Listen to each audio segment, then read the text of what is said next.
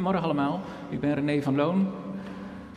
Sommigen van jullie ken ik al heel lang en sommigen zijn hier misschien nieuw. Welkom als je nieuw bent of als je relatief nieuw bent. Ik ben uh, predikant iets verderop in de Samaritaan, de kerk die met name op het Lisplein bij elkaar komt. En uh, vind het altijd mooi om hier bij jullie te zijn.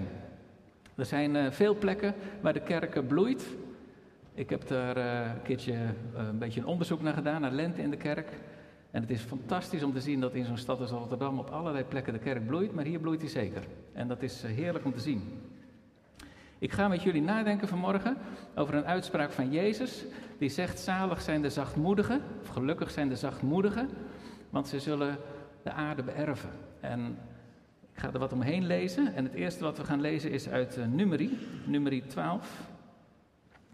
En waarom lees ik dat? Uh, dat komt, het gaat hier over Mozes. En in uh, de herziende statenvertaling, eigenlijk iets letterlijker vertaald dan de nieuwe Bijbelvertaling die we hier lezen. Daar staat in vers 3, dat zal ik ook zo wel aangeven, maar de man Mozes was zeer zachtmoedig, meer dan alle mensen die op de aardbodem waren. Nou, als wij het over zachtmoedigheid gaan hebben, dan is het dus goed om even dit hoofdstuk te lezen en in de leer te gaan bij Mozes. Nummer 12. Mirjam en Aaron maakten aanmerkingen op Mozes vanwege zijn huwelijk met een Nubische vrouw. Hij is met een Nubische getrouwd, zeiden ze. Ook zeiden ze, heeft de Heer soms uitsluitend bij monden van Mozes gesproken en niet ook bij monden van ons. De Heer hoorde dit. Nu was Mozes een zeer bescheiden man, staat hier, een zeer zachtmoedig mens. Niemand op de hele wereld was zo zachtmoedig, zo bescheiden als hij. Onmiddellijk gebood de Heer Mozes Aaron en Mirjam: ga alle drie naar de ontmoetingstent. Dat deden ze. Toen daalde de Heer af in de wolkolom, ging bij de ingang van de tent staan en riep Aaron en Mirjam. Nadat ze beiden naar voren waren gekomen, zei hij: Luister goed. Als er bij jullie een profeet van de Heer is, maak ik mij in visioenen aan hem bekend en spreek ik met hem in dromen. Maar met mijn dienaar Mozes op wie ik volledig kan vertrouwen, ga ik anders om. Met hem spreek ik rechtstreeks, duidelijk, niet in raadsels, en hij aanschouwt mijn gestalte. Hoe durven jullie dan aanmerkingen op mijn dienaar Mozes te maken? De Heer ontstak in woede tegen hen en ging weg. Nauwelijks had de wolk de tent verlaten of Mirjam werd getroffen door huidvraat, hè. Haar huid was wit als sneeuw. Toen Aaron zich naar Mirjam omdraaide en zag dat ze door huidvraat getroffen was, zei hij tegen Mozes: Ik smeek je, reken ons de zonde die wij in deze dwaasheid begaan hebben niet aan. Laat Mirjam niet als een doodgeboren kind blijven, waarvan het lichaam al half vergaan is als het uit de moederschoot komt. Toen riep Mozes luid de Heer aan: Ik smeek u, God, genees haar. De Heer antwoordde Mozes: Als haar vader haar openlijk in haar gezicht had gespuugd, zou ze die schande zeven dagen lang hebben moeten dragen. Daarom moet ze zeven dagen buiten het kamp verblijven. Daarna mag ze terugkomen. Zo werd Mirjam zeven dagen buiten het kamp gehouden en het volk brak niet op zolang ze niet was teruggekeerd. Na haar terugkeer trokken ze weg uit Gazeroot en sloegen ze hun kamp op in de woestijn van Paran. Dus de ene lezing uit het Oude Testament. We gaan ook lezen wat Jezus zegt over die mensen die gelukkig zijn, zalig zijn. En daarom heten dat de zaligsprekingen, zo worden ze dan genoemd. Uit uh, Matthäus 5, vers 1 tot en met 10. Toen Jezus de mensenmassa zag, ging hij de berg op. Daar ging hij zitten met zijn leerlingen om zich heen. Hij nam het woord en onderrichtte hen. Gelukkig wie nederig van hart zijn, want voor hen is het koninkrijk van de hemel. Gelukkig de treurenden, want zij zullen getroost worden.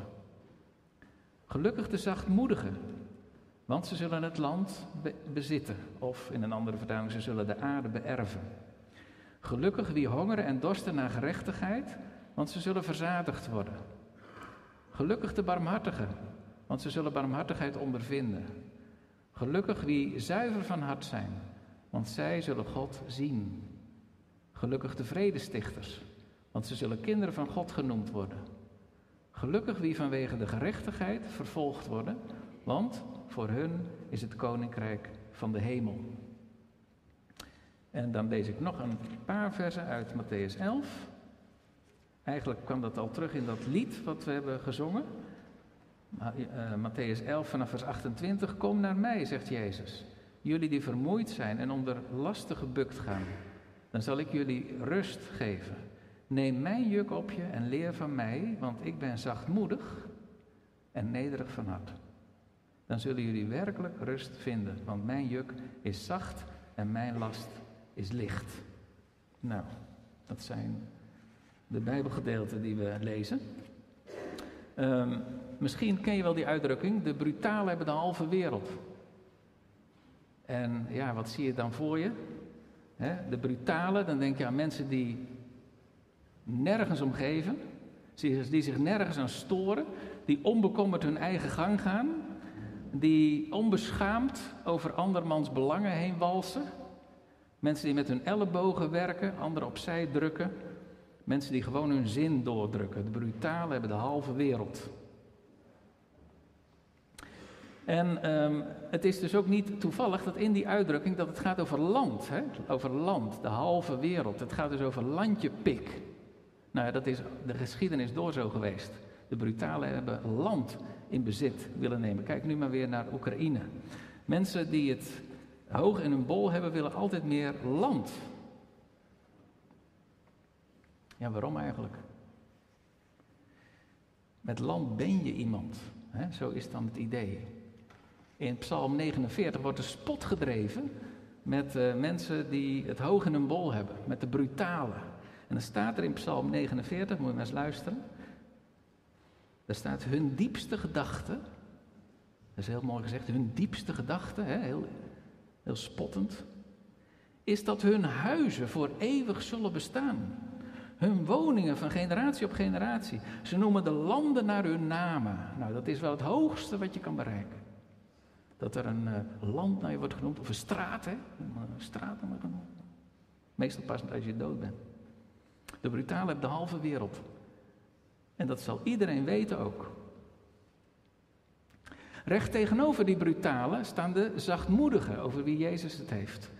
En Jezus zegt, zalig zijn de zachtmoedigen. Eigenlijk zou je kunnen vertalen, gefeliciteerd ben je als je zachtmoedig bent. Gefeliciteerd.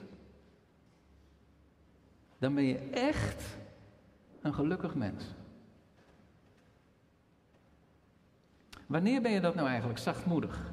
Wat houdt het in om zachtmoedig te zijn? Nou, om daar meer zicht op te krijgen, hebben we dat gedeelte gelezen uit Numeri over Mozes. Mozes die zeer zachtmoedig was, meer dan alle mensen op de aardbodem. Die zin roept wel wat vragen op, want Mozes had een driftig karakter. Toen hij nog prins was, de prins of Egypt, toen hij nog prins was aan het hof in Egypte, toen ging hij op een gegeven moment kijken bij zijn eigen volk, het volk Israël. En dat werd als slavenvolk uitgebuit. En wat zag hij? Hij zag een Egyptische slavendrijver die een Israëlitische man aan het afranselen was. En Mozes werd zo kwaad, in één klap sloeg hij de Egyptenaar dood. Als je dat in je achterhoofd hebt, dan denk je, Mozes, zeer zachtmoedig, meer dan wie dan ook op de aardbodem. Aan Mozes zie je heel duidelijk dat zachtmoedigheid, dat dat niet een karaktertrek is. Zachtmoedigheid is, is niet zoiets van, nou ja, ja, dat heb je of dat heb je niet. De een heeft dat nou eenmaal, de ander heeft dat niet. Zoals de ene mens meer geduld heeft dan de ander. Aan karaktertrekken kun je niet zoveel doen. Als je een driftig karakter hebt, dan ja, heb je een driftig karakter. Mozes had een driftig karakter en toch was hij de zachtmoedigste mens die op dat moment op de aardbodem leefde. Wat is dat dan, zachtmoedigheid? Nou, het antwoord zit in dit hoofdstuk, nummer 12. Mozes wordt keihard aangevallen. Zijn leiderschap wordt ondergraven. Notabene door zijn eigen oudere zus, die daarin ook zijn broer meeneemt. Ze zijn het spuugzat dat ze altijd moeten luisteren naar hun jongere broertje Mozes.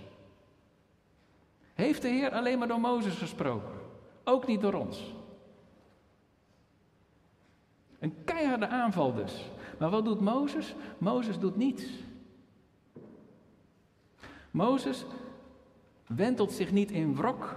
Hij wil geen wraak. Hij verdedigt zich niet. Mozes legt het in de handen van God. En dat is de essentie van zachtmoedigheid.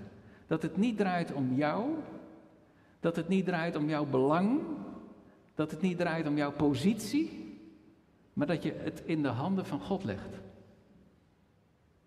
Dat is zachtmoedigheid. Als, als je dat doet, maakt dat een ander mens van je. Als je zachtmoedig bent, dan kun je anderen verdragen. Ook moeilijke mensen. Je verdraagt zonder de ander terug te willen pakken. Als je zachtmoedig bent, dan heb je geduld met anderen. Je bent bereid om te vergeven. En om je eigen belangen ondergeschikt te maken aan grotere belangen. Als je zachtmoedig bent, dan ga je bidden voor anderen, ook mensen met wie je moeite hebt. wat doet Mozes hier? Hij gaat bidden voor zijn zus. God, genees haar toch. Zachtmoedigen hebben het geduld om te luisteren. Ze kunnen zich inleven in de positie van de ander. Brutalen hebben een kort lontje. Zachtmoedigen hebben een hele lange lont. Merk hoe actueel dit allemaal is? Elke dag gaat het hierover in het nieuws. Sieren moet er aan te pas komen om in een reclamecampagne ons allemaal een beetje te helpen tegen de polarisatie. Discussies over, eerst al over corona, hebben hele families uit elkaar gedreven. en hoeveel mensen worden er nu niet bedreigd? Ministers worden bedreigd, burgemeesters, wethouders, Kamerleden, wetenschappers, journalisten. Het maatschappelijk klimaat wordt ongekend hard. Meer dan ooit zijn er mensen nodig die zachtmoedig zijn. En daarom zit je hier, in het huis van God. Hoe kun je dat leren, zachtmoedigheid? Jezus nodigt ons uit in Matthäus 11, we hebben het gelezen. Kom naar mij toe, alle die vermoeid en belast bent, en ik zal jullie rust geven. Neem mijn juk op u en leer van mij dat ik zachtmoedig ben en nederig van hart. Blijkbaar hoort dat bij elkaar, zachtmoedig zijn en nederig van hart. Dat hoort bij elkaar. Jezus zegt, je kunt het van mij leren. Kom naar mij toe en ik zal het je leren. Neem mijn juk maar op je. Daar moeten we wel even goed op letten. Die zachtmoedigheid die Jezus ons wil leren, die is niet gemakkelijk. Het is een juk. En tegelijkertijd zegt Jezus, mijn juk is zacht en mijn last is licht. En je zult, hij zegt ook, je zult rust vinden voor je ziel. Als je er even over doordenkt, dan klopt dat ook. Mozes was zachtmoedig doordat hij alles in de handen van God legde. Hij eiste zijn recht niet op. Hij drong zich niet met geweld naar voren. Nee, hij liet het over aan God. En dat is niet makkelijk. Dat is een juk. Het vraagt heel veel nederigheid. Het vraagt geduld. Het vraagt vertrouwen op God. Maar als je dat leert om zachtmoedig te zijn, dan geeft het ook heel veel rust. Je zult rust vinden voor je ziel. En wie wil dat nou niet? Het is goed voor je ziel. Je wint je niet meer op, want je weet het ligt in de handen van God. En niet meer bij mij. Hoe laat de Heer Jezus zachtmoedigheid zien? Paulus schrijft daarover in Filippenzen 2. Hij schrijft dit. Laat onder u de gezindheid heersen die Christus Jezus had. Hij die de gestalte van God had, maakte er geen aanspraak op aan God gelijk te zijn, maar hij deed afstand van zijn positie en nam de gestalte aan van een dienaar. Hij werd gelijk aan mensen en als mens verschenen, verschenen heeft hij zich vernederd en hij werd gehoorzaam tot in de dood, de dood aan het kruis. Jezus heeft zich vernederd. Letterlijk staat er, Jezus heeft zich ontledigd. Hij heeft zichzelf leeg gemaakt. De, de, de zoon van God blinkend in majesteit aan de rechterhand van God. Hij maakte zich leeg en hij werd mens om ons te kunnen redden. Kijk, dat is nou zachtmoedigheid. Leer van mij, zegt Jezus. Leer van mij dat ik zachtmoedig ben en nederig van hart. De apostel Petrus die schrijft erover in zijn eerste brief. En hij zegt, want hiertoe bent u geroepen, omdat ook Christus voor ons geleden heeft. Hij laat ons zo een voorbeeld na, opdat wij in zijn voetsporen zouden volgen. Hij die geen zonde gedaan heeft en in wiens mond geen bedrog gevonden is, Jezus was volmaakt, die toen hij uitgescholden werd, niet terugschold. En toen hij leed, niet dreigde, maar het overgaf aan hem die rechtvaardig oordeelt. Je het. Die zelf onze zonde in zijn lichaam gedragen heeft op het hout, opdat wij voor de zonde dood voor de gerechtigheid zouden leven. En door zijn striemen bent u genezen. Dat is zachtmoedigheid. De keuze om de minste te zijn. Om niet te vechten voor je belang, maar je in te spannen voor een ander. En dat is wat Jezus ons laat zien. Hij is het voorbeeld. En dat voorbeeld heeft kracht ook in het alledaagse leven. Ik ga je een voorbeeld geven daarvan. Er was een christelijke organisatie met een bestuur, hè, dat is het hoogste. Het bestuur had een directeur aangesteld, daaronder. En daaronder waren verschillende locaties. En elke locatie had een locatiemanager. En toen kwam het bestuur uh, van de stichting, raakte betrokken bij een conflict. Een conflict tussen de directeur en een van de locatiemanagers. Dat, was een, dat ging niet goed. Het bestuur raakte erbij betrokken. Er kwamen gesprekken tussen de directeur en de locatiemanager. En uh, daar waren ook een paar bestuursleden bij. En toen kwam het bestuur met een voorstel om eruit te komen. En dat was zo overduidelijk in het voordeel van de directeur en niet van de locatiemanager. Iedereen verwachtte dat de locatiemanager er tegenin zou gaan. Dat is een, een, een, een, wijze dame. Iedereen dacht ze gaat terugvechten. Maar dat deed ze niet. Ze deed niets. Nee, ze schreef een briefje, ik leg me overal bij neer. Het bestuur dacht, hier moet iets aan de hand zijn. En ze nodigde de locatiemanager uit voor een gesprek. En eindelijk kon ze nou eens goed toelichten wat haar positie was. Wat haar dwars zat. Waar het onrecht zat, wat zij leed. En dat ze maar één uitweg zag. Niet terugvechten, maar verdragen. Omdat ze het in de handen van God had gelegd. En door dat gesprek veranderde de hele situatie. Eindelijk ging het bestuur snappen hoe het zat. En er kwam een ander voorstel. En zelfs kwamen uiteindelijk de directeur en de locatiemanager weer bij elkaar.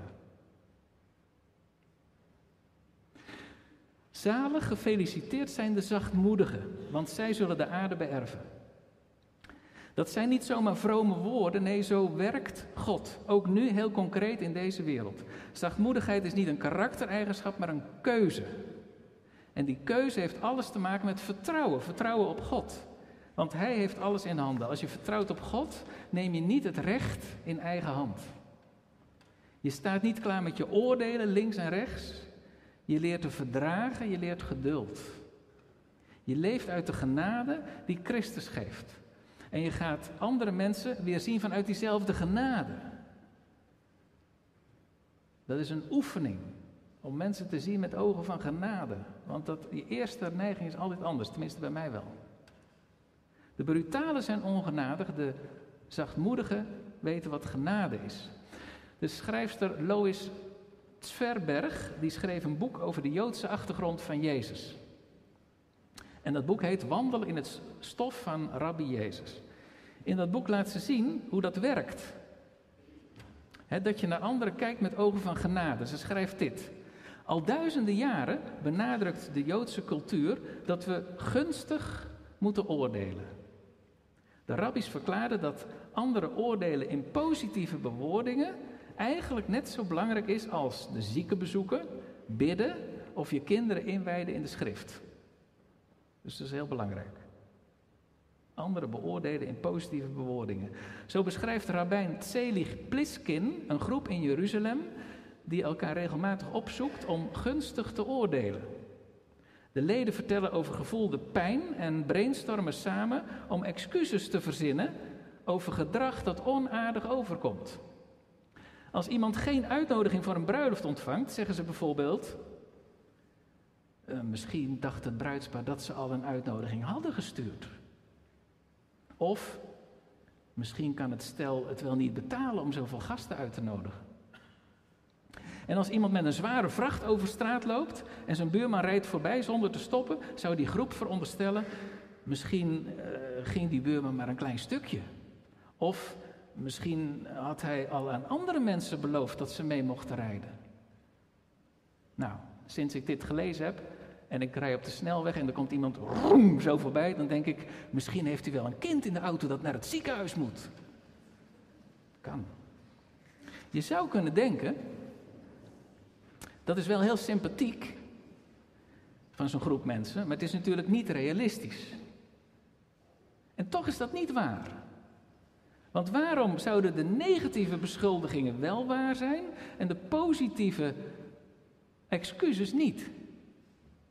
De schrijver Charles Swindle geeft een heel mooi uh, voorbeeld van een situatie die hem beschaamd maakte. Hij was hoofdspreker op een Bijbelstudieconferentie. Die duurde een week. En in het, in het publiek zat een echtpaar. En bij elke preek van Swindel, bij elke preek, na twee minuten viel die man in slaap. Swindel ergerde zich groen en geel. Maar op de laatste dag van de conferentie kwam hij in gesprek met die vrouw van die man. En hij, uh, hij, hij zegt in dat boek: Ik dacht dat ze me wilde gaan vertellen hoe ongelukkig ze was met een man die niet zoals zij geïnteresseerd was in geestelijke zaken. Maar wat had hij bij het verkeerde eind? Ze zei dat het zijn wens was geweest om naar de Bijbelstudieconferentie te gaan. Het was zijn laatste wens. Ik begreep niet, schrijft Swindel, wat ze daarmee bedoelde. Ze legde uit dat hij kanker had, dat hij nog maar een paar weken te leven had en op zijn verzoek bezochten ze de conferentie waar ik sprak, zegt Swindel, hoewel de medicijnen die hij kreeg hem heel slaperig maakten. Hij schaamde zich erg voor zijn slaperigheid. Hij houdt van de Heer, zei zijn vrouw, en u bent zijn meest geliefde Bijbelleraar. Ik was echt met stomheid geslagen, schrijft Swindel. Ze, bedankt, ze bedankte me voor de week en vertrok. Daar stond ik dan in mijn eentje. Was ik even tot de orde geroepen? Zo was ik nog nooit in mijn hemd gezet. Ik had een oordeel geveld over mijn broeder en ik had het volkomen bij het verkeerde eind gehad. Leer van mij, zegt Jezus, dat ik zachtmoedig ben en nederig van hart. Het is echt een leerproces. Het gaat je leven lang door. Leren om te verdragen, leren om je oordeel op te schorten, leren om de zaak in de handen van God te leggen. Leren om je eigen belangen ondergeschikt te maken aan de, aan de belangen van God. Leren om te dienen in plaats van in het middelpunt te willen staan. Maar nu een heel belangrijke vraag. Deze maand presenteerde het kabinet een actieprogramma tegen seksueel grensoverschrijdend gedrag en seksueel geweld. Want het komt veel meer voor dan we vaak denken. Als je dat hoort, kun je je afvragen: klopt die oproep tot zachtmoedigheid wel? Betekent dat dat je fout gedrag onbenoemd moet laten? Dat het onbestraft moet blijven? Omdat het allemaal, ja, omdat je, je, mag er niks over zeggen, want je moet zachtmoedig zijn en je moet het in de handen van God leggen. Moeten de slachtoffers dan maar hun mond houden en geen aanklacht indienen? Dat is een belangrijke vraag. Om even heel duidelijk te zijn, het is echt een misverstand om dat te denken. Want zachtmoedigheid betekent zeker niet dat je de duisternis in stand moet houden. Zachtmoedigheid betekent zeker niet dat de boze zijn gang kan gaan. Mozes, de zachtmoedigste van alle mensen op, in zijn tijd op aarde, kwam van de berg Sinaï af terwijl het volk Israël danste om het gouden kalf. En wat deed hij? Hij pakte de twee stenen tafelen en hij smeet ze kapot. Van woede. Gerechtvaardigde woede. En de Heer Jezus zelf van wie we zachtmoedigheid leren, pakte een zweep en joeg de handelaars de tempel uit en hij zei: Maak van het huis van mijn vader niet een rovershol. Zachtmoedigheid is geen slapheid. Zachtmoedigheid is geen softheid. Waar duisternis is, moet die duisternis ontmaskerd worden. En dat is wat ook de Heer Jezus deed. En juist zo stelde hij zich kwetsbaar op. Want alle schijnheiligheid en alle onrecht werd door hem feilloos aangewezen. En juist daarom werd hij vermoord aan het kruis. Zachtmoedigheid betekent dus ook jezelf opofferen, jouw belangen opofferen in dienst van de waarheid. In dienst van het licht van het evangelie. Je kunt alleen maar zachtmoedig zijn vanuit de kracht die God geeft. Want zachtmoedigheid is niet de makkelijke weg, maar de moeilijke weg. Het is de weg niet van de minste weerstand, maar van de meeste weerstand. Zalig zijn de zachtmoedigen, want zij zullen de aarde beërven. Er staat dus niet, ze zullen de aarde veroveren. Nee, beërven. En wat is dat nou, beërven? Wanneer krijg je nou een erfenis? Je krijgt een erfenis als er iemand is overleden die met jou een band had. Dat kan een familieband zijn. Dat kan een band zijn van vriendschap, van trouw. Waarom beërven de zachtmoedigen de aarde? Omdat er iemand gestorven is. En die iemand is Jezus. En als je een band hebt met Hem, dan erf je de aarde. Deze schitterende wereld die God zo mooi gemaakt heeft. Waarvan wij een puinhoop hebben gemaakt. Maar God maakt eens nieuwe hemelen en een nieuwe aarde. En op die nieuwe hemelen, in, op die, die nieuwe hemelen en op die nieuwe aarde is een plaats voor jou. Het is een erfenis. Die krijg je. Dietrich Bonhoeffer zegt in zijn boek Navolging over deze zaligspreking iets heel moois. Hij zegt: God verlaat de aarde niet. Hij heeft haar geschapen. Ook Golgotha is een stuk aarde waar Jezus stierf. Vanuit Golgotha, waar de zachtmoedigste stierf, zal de aarde nieuw worden. Wanneer het rijk van God komt, zullen de zachtmoedigen het aardrijk beërven. En als God nou zorgt voor die nieuwe aarde, en als Hij daar voor jou zorgt, zou Hij dan op deze oude aarde jou vergeten?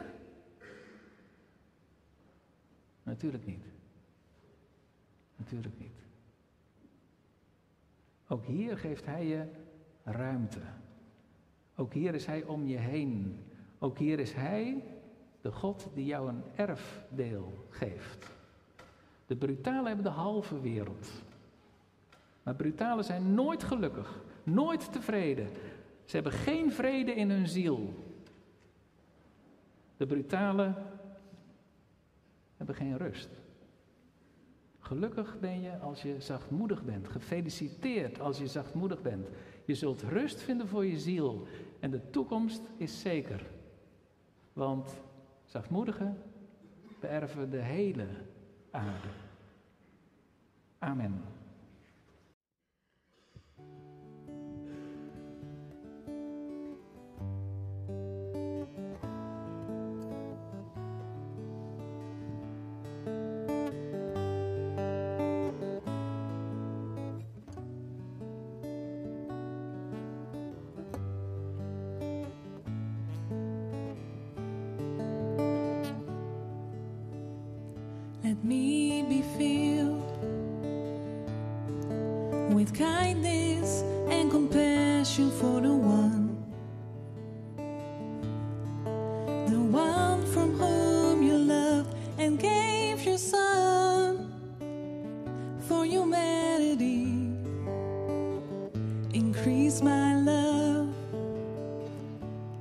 Help me to love with open arms like you do.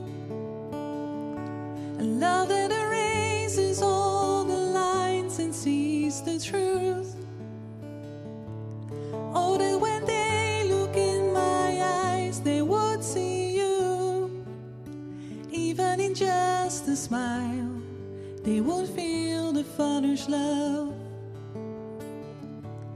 how he loves us.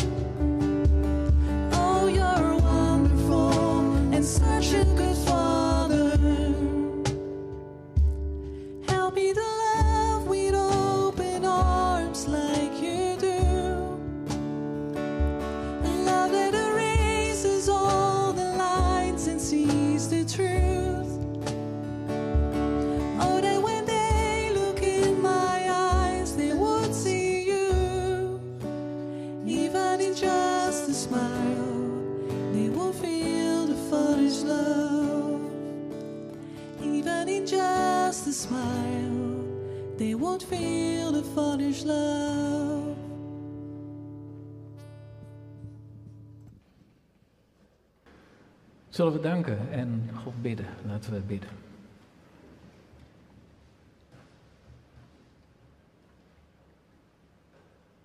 Heer, we danken u voor het voorbeeld van Jezus. U, Heer Jezus, u daalde neer om zichzelf op te offeren. Om zichzelf te geven. En uw positie bij de Vader wilde u opgeven om een mens te worden op deze wereld. Een mens die tot zegen zou zijn, maar ook gehaat zou worden.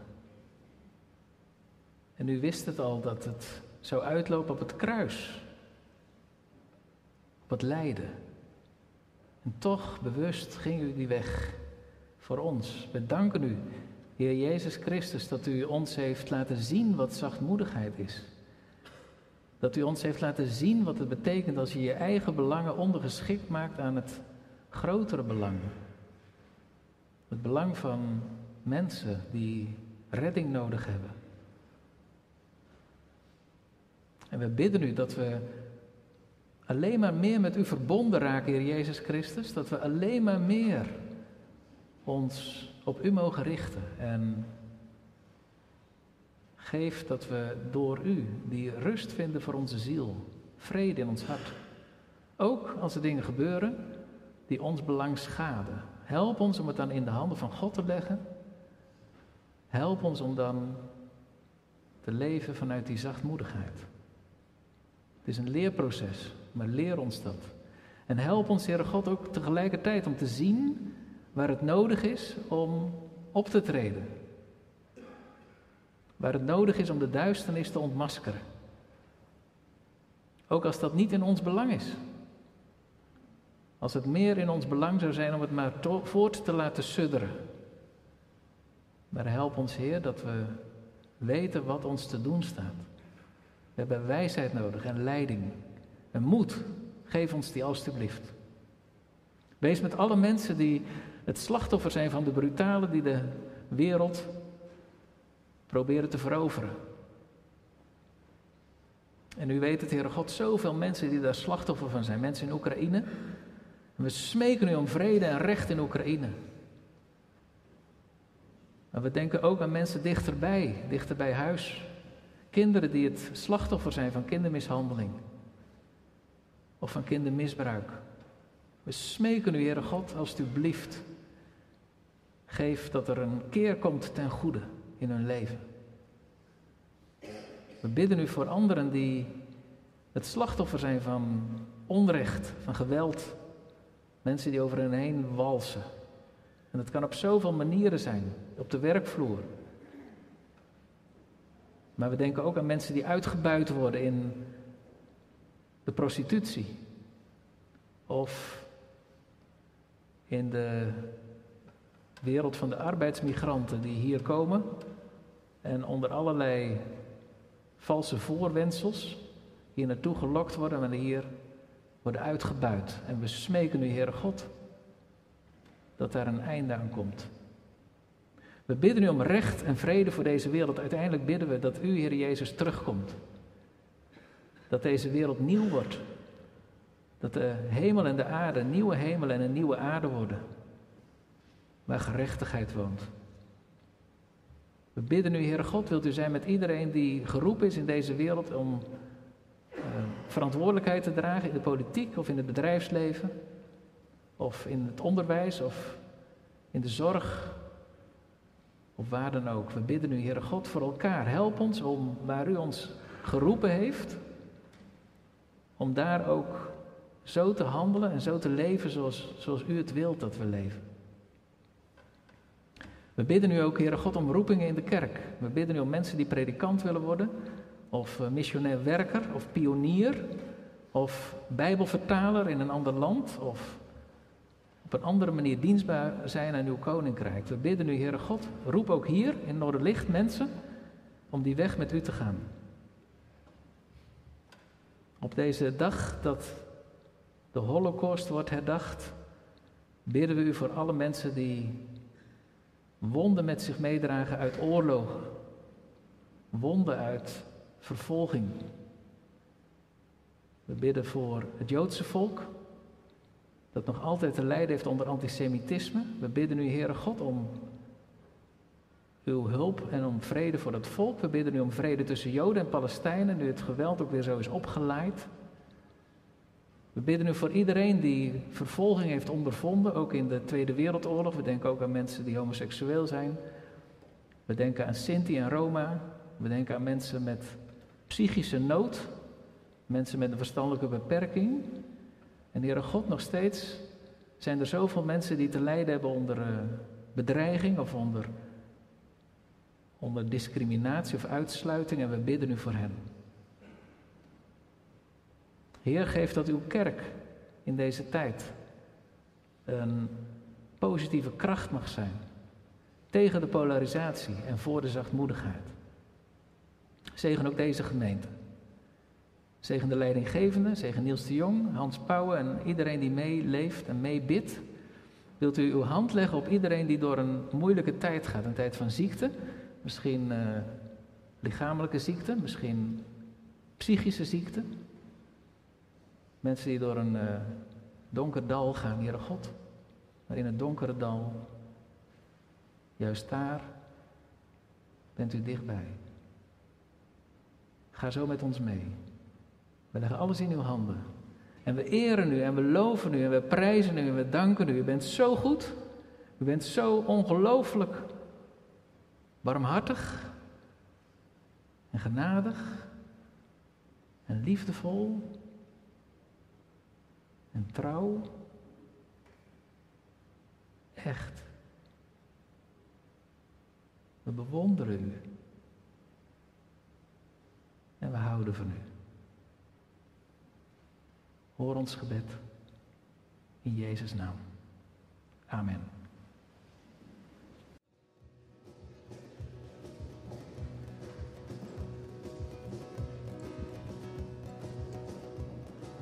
Come all you weary, come all you thirsty, come to the well that never runs dry.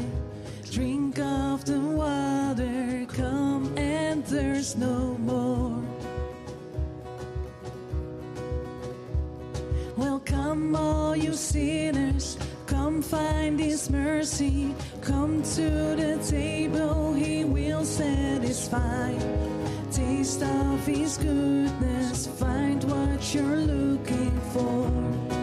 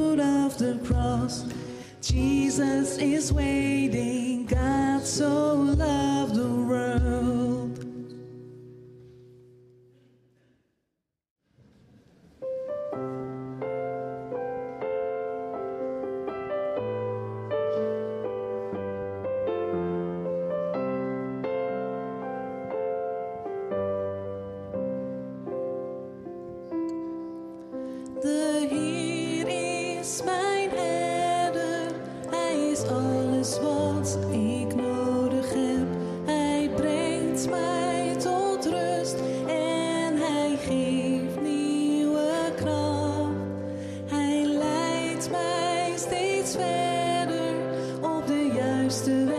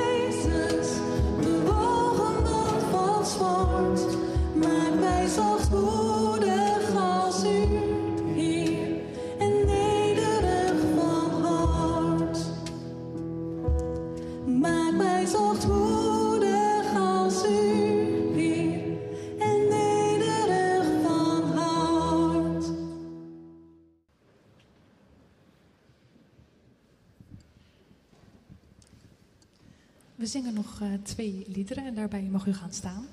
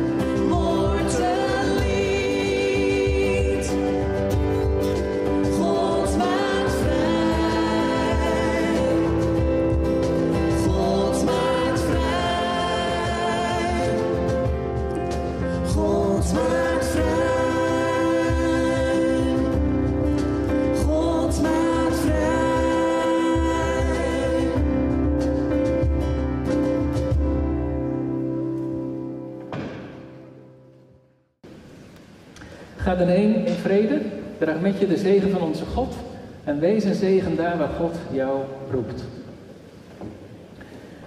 De Heer zegene je en hij behoede je.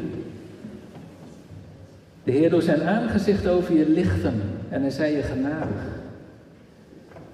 De Heer verheffen zijn aangezicht over jou en hij geeft jou zijn vrede.